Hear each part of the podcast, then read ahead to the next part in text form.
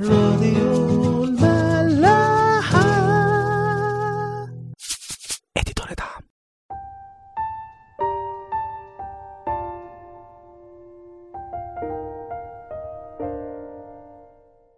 مساء الخير واهلا بيكم في حلقة جديدة من عيش وملح.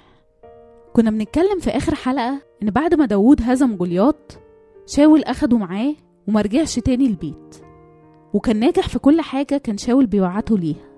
شاول خلاه كمان على رجال الحرب وربنا اداله نعمة في عينين الكل كل الشعب وعينين عبيد شاول كمان.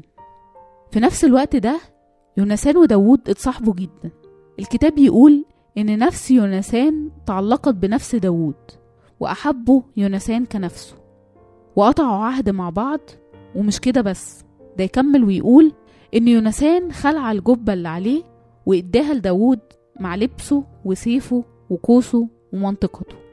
النهاردة بقى هنشوف إزاي نجاح داوود ده كان سبب لغيرة وحقد شاول. خلونا نكمل مع بعض. وكان عند مجيئهم حين رجع داود من قتل الفلسطيني إن النساء خرجت من جميع مدن إسرائيل بالغناء والرقص للقاء شاول الملك بدفوف وبفرح وبمثلثات. فأجابت النساء اللاعبات وقلنا ضرب شاول ألوفه وداود ربواته فاحتمى شاول جدا وساء هذا الكلام في عينيه وقال أعطينا داود ربوات وأما أنا فأعطيناني الألوف وبعد فقط تبقى له المملكة. فكان شاول يعين داود من ذلك اليوم فصاعدا. زي ما إحنا شايفين شاول وداود وهم راجعين بعد هزيمة جولياط استقبلتهم الستات بغنى ورقص وعزف. وكانوا بيقولوا ضرب شاول ألوف وداود ربوات. ربوات دي يعني عشرات الألوف. مع إن شاول وقتها كان بقاله سنين كتير بيحارب ويهزم العدو. وداود ما كانش قتل غير جولياط. الستات بقى اعتبرت جولياط ده لوحده بعشرات الألوف. من كتر ما كانت النصرة عليه صعبة ومش عادية. يقول بعدها الكتاب إن شاول غضب جدا وساء الكلام في عينيه وقال يدوا داوود الربوات وأنا يدوني الألوف والكتاب يكمل ويقول فكان شاول يعاين داوود من ذلك اليوم فصاعدا يعني شاول كان حابب داوود وخلاه على رجال الحرب في أول الإصحاح. لكن أول لما لقى الناس بتمدحه وتديله المجد غار منه على طول. الأولى كان يبقى فرحان لانتصارهم على الفلسطينيين. مش مهم المجد يروح لمين. لا وكمان الموضوع ما وقفش عند الغيرة وبس. هنشوف بعد كده إزاي شاول هيحاول يقتل داوود كمان. كل ده حصل عشان داوود هزم جولياط وانتصر عليه. وهو ده اللي بيحصل معانا كلنا. لما تنتصر مرة في حربك مع الشيطان اوعى تفتكر إنه هيسيبك ويمشي ويرضى بالهزيمة. ده هيزود حربه معاك أكتر وممكن حتى يستخدم ظروف أو أشخاص عشان يحاربك بيهم. بس لو انت سايب ربنا يحارب عنك فعلا هتقدر تحارب كل دول. وكل ما تنتصر الشيطان هيحاربك أكتر. بس من الناحية التانية ربنا ونعمته هتبقى أزيد. فما تخافش. يعني شاول هيبتدي يحارب داوود عشان غار منه عشان الناس ادت له المجد لأنه هزم جولياط. داوود ما عملش حاجة غلط أصلا عشان شاول يحاربه بسببها. بالعكس ده حاربه بسبب حاجة حلوة عملها وكانت تبع مشيئة ربنا وبمعونته. وده كتير بيحصل مع الحد اللي ماشي مع ربنا بحقه حقيقي. تبتدي تتحارب عشان بتقول كلمة الحق أو بتعمل الصح. تلاقي الناس بتنتقدك وتحاربك عشان ماشي تبع مشيئة ربنا. وتلاقي إن الصح اللي أنت بتعمله هو اللي غريب على اللي حواليك. ما تقلقش إن ده حصل. أهم حاجة إنك فيك الروح القدس. روح ربنا. هو اللي بيرشدك ويوريلك ويخليك عندك روح التمييز. تبقى متأكد إن أنت اللي بتعمله صح. التمييز اللي بيبقى تبع مشيئة الله مش تبع مبادئ واتجاهات العالم. طيب إحنا شفنا إن داوود بدأ يتحارب من شاول بسبب انتصاراته على جولياط. وحب وتمجيد الشعب ليه. خلونا نقف شوية بقى عند رد فعل شاول لانتصار داود ده. شاول زي ما قلنا الحلقة اللي فاتت كان فرحان بانتصار داود في الأول وأخده معاه وخلاه على رجال الحرب وكان في كل حتة بيبعته ليها بينجح. بس الظاهر إن شاول كان فرحان فرح لمصلحته هو. كان برضه فرحان بالمفهوم الأرضي إن داود جاب له نصرة على أعدائه وإن شعبه شعب إسرائيل غلب الفلسطينيين. كان فرحان إن هو ملك على شعب منتصر. مش حاطط في باله خالص إن شعب ربنا هزم الشيطان. الموضوع ده ما كانش فارق معاه. والدليل إن أول ما حد ادى مجد النصرة لحد تاني غيره غضب وصار وابتدى يفكر إزاي يتخلص من داوود. لو شاول كان باصص لها من المنظور الروحي باصص على ربنا ومجده مش على ذاته وكبريائه ما كانش هيفرق معاه مين اللي جاب الانتصار أو مين اللي بياخد المجد. يونسان ابنه بقى كان مختلف وعشان كده رد فعله كان مختلف. يعني شاول ويونسان اتحطوا في نفس الموقف. واحد غار وحقد على داوود وفكر إزاي يأذيه ويتخلص منه لأنه شاف إنه بيهدد كبريائه وملكه. والتاني اللي هو يونسان شاف قد إيه ربنا اشتغل في داوود وخلى نصرة الشعب على إيده فحب داوود أكتر وقرب ليه أكتر.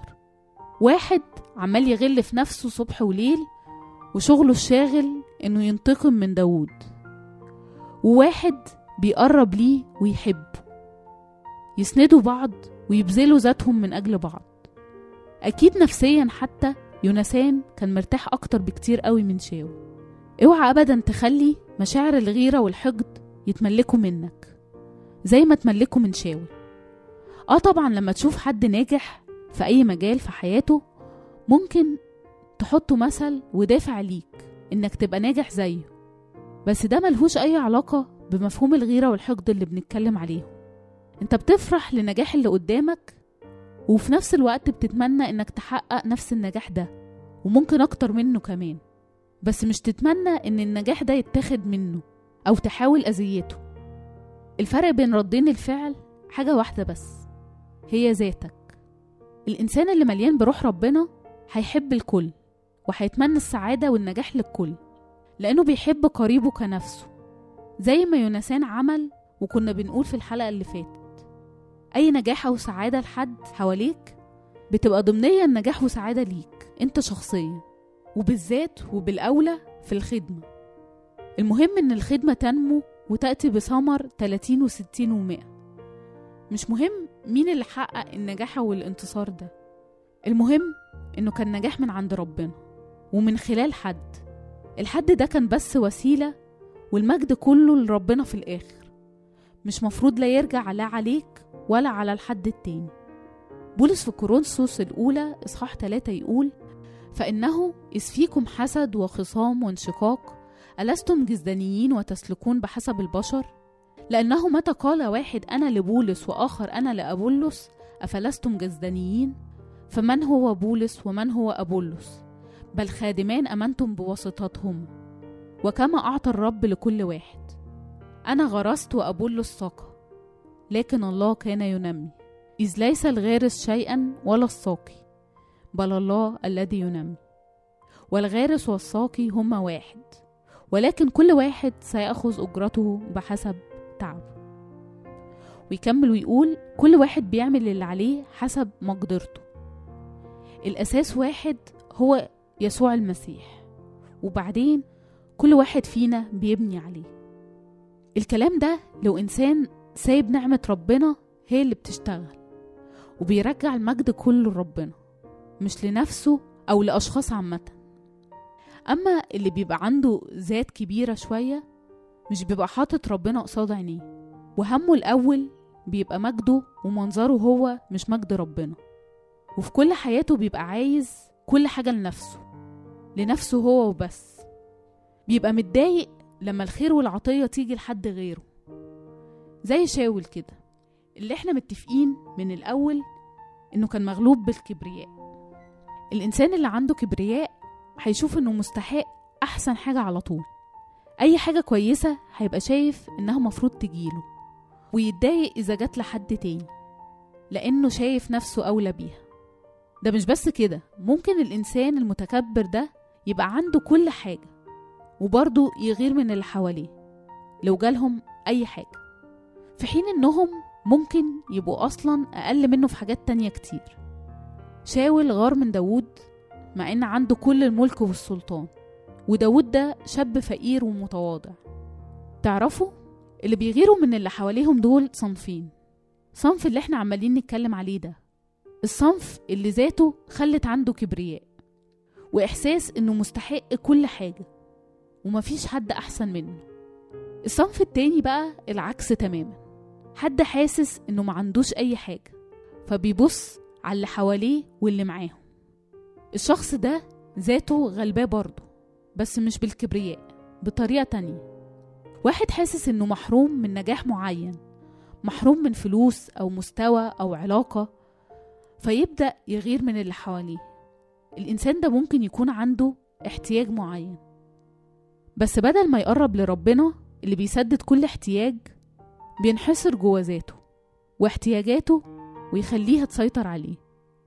والنتيجة إنه لما يشوف حد حواليه عنده الاحتياج اللي ناقصه ده بيغير وساعات يتمنى زوال العطية دي من اللي قدامه. عامة هي الغيرة مدمرة بكل مستوياتها من أبسط لأعلى مستوى. بتخلي الواحد ما يفرحش لخير حد قدامه وما ينفذش الوصية العظمى.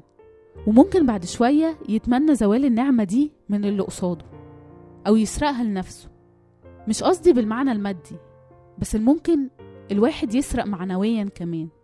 يسرق مجد ينسب نجاح لنفسه أو يشتهي حاجة مش بتاعته أو حد مش من حقه. ولو موضوع الغيرة ده اتطور ممكن يدفع صاحبه للكراهية وحب الانتقام والأذية. من فضلكم خلوا كل واحد فينا يفكر في الكلام ده عليه هو شخصيا. ما نقعدش ندين حد بيه. إحنا مش بندين شاول أو أي حد بيعمل كده. إحنا لينا بس بروحنا. لأن الشيطان معاملته واحدة مع الكل والخطية طرحت كثيرين جرحى وكل قتلها أقوياء. شوف نفسك أنت فين من الكلام ده كله. بتحب قريبك كنفسك ولا لأ؟ كلنا بنقوم ونقع ومعظمنا لسه ما وصلش لدرجة البذل دي. المهم عينينا تبقى على ربنا دايما مش على ذواتنا. المهم إن إحنا نعترف إننا ضعاف فهو يشتغل بقوة فينا. يدي النعمة دي وروح البذل ده. يدي محبة للكل وفرح للكل. كل ما نقرب لربنا أكتر هنشوف قد إيه هو مغرقنا بالعطايا وبيشبع كل احتياجاتنا ويسددها. مزمور 105 عدد 16 يقول تفتح يديك فتشبع كل حي رضا. نتقابل الحلقة الجاية. راديو ملاح. Edito Niata.